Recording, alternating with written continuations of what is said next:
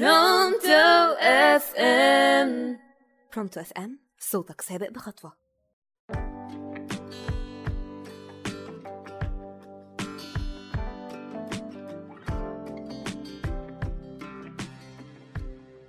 إزيكم؟ عاملين إيه؟ معاكم تسنيم أحمد. هنكون مع بعض النهارده في عيشها للآخر.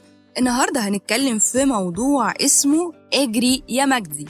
النهارده هنتكلم عن السعي والطموح الجهاد الكفاح. مرمطة المواصلات النهارده هنتكلم عن مجدي ومجدي كان من الناس اللي دخلوا كلية هندسة بعد معافرة فظيعة في ثانوي زي ما بقية الناس بيعافروا في ثانوي عادي يعني. ربنا وفقه ودخل كلية هندسة. كلية هندسة من أصعب الكليات الموجودة وكل اللي فيها حرفيا بيلطموا. جه مجدي كان قاعد والناس كلها عمالة تتريق عليه.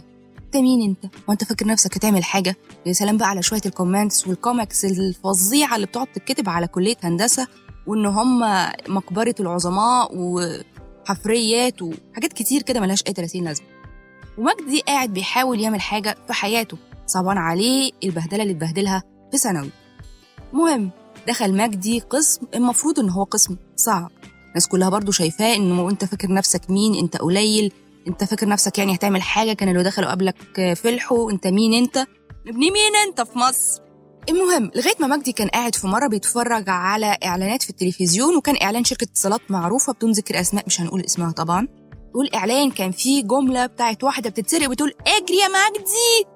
فمجدي حس إن الجملة دي إلهام بقى جاية له وإن هو لازم يجري من الكومنتس السلبية دي ولازم يحافظ على نفسه ويحافظ على تركيزه لأنه كمان تعب في الأول وتعب في حياته جامد سواء كان في ثانوي سواء كان في جامعة سواء كمان كان في الشغل اللي هو بيحاول يتدرب عليه بره علشان لما يتخرج يعرف يعمل حاجة في حياته.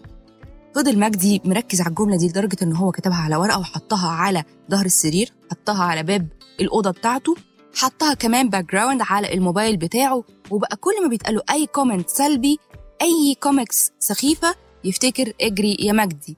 ويفتكر كمان إنه حتى لو ما كانش اسمه مجدي كان لازم كده كده يجري. لأن حتى الناس اللي عمالة تقول له comments دي هم still قاعدين مكانهم. حتى ما جريوش. ودي كانت آخر حلقة من الموسم الإذاعي لبرنامج عيشها للآخر. كان معاكم تسنيم أحمد راديو Pronto.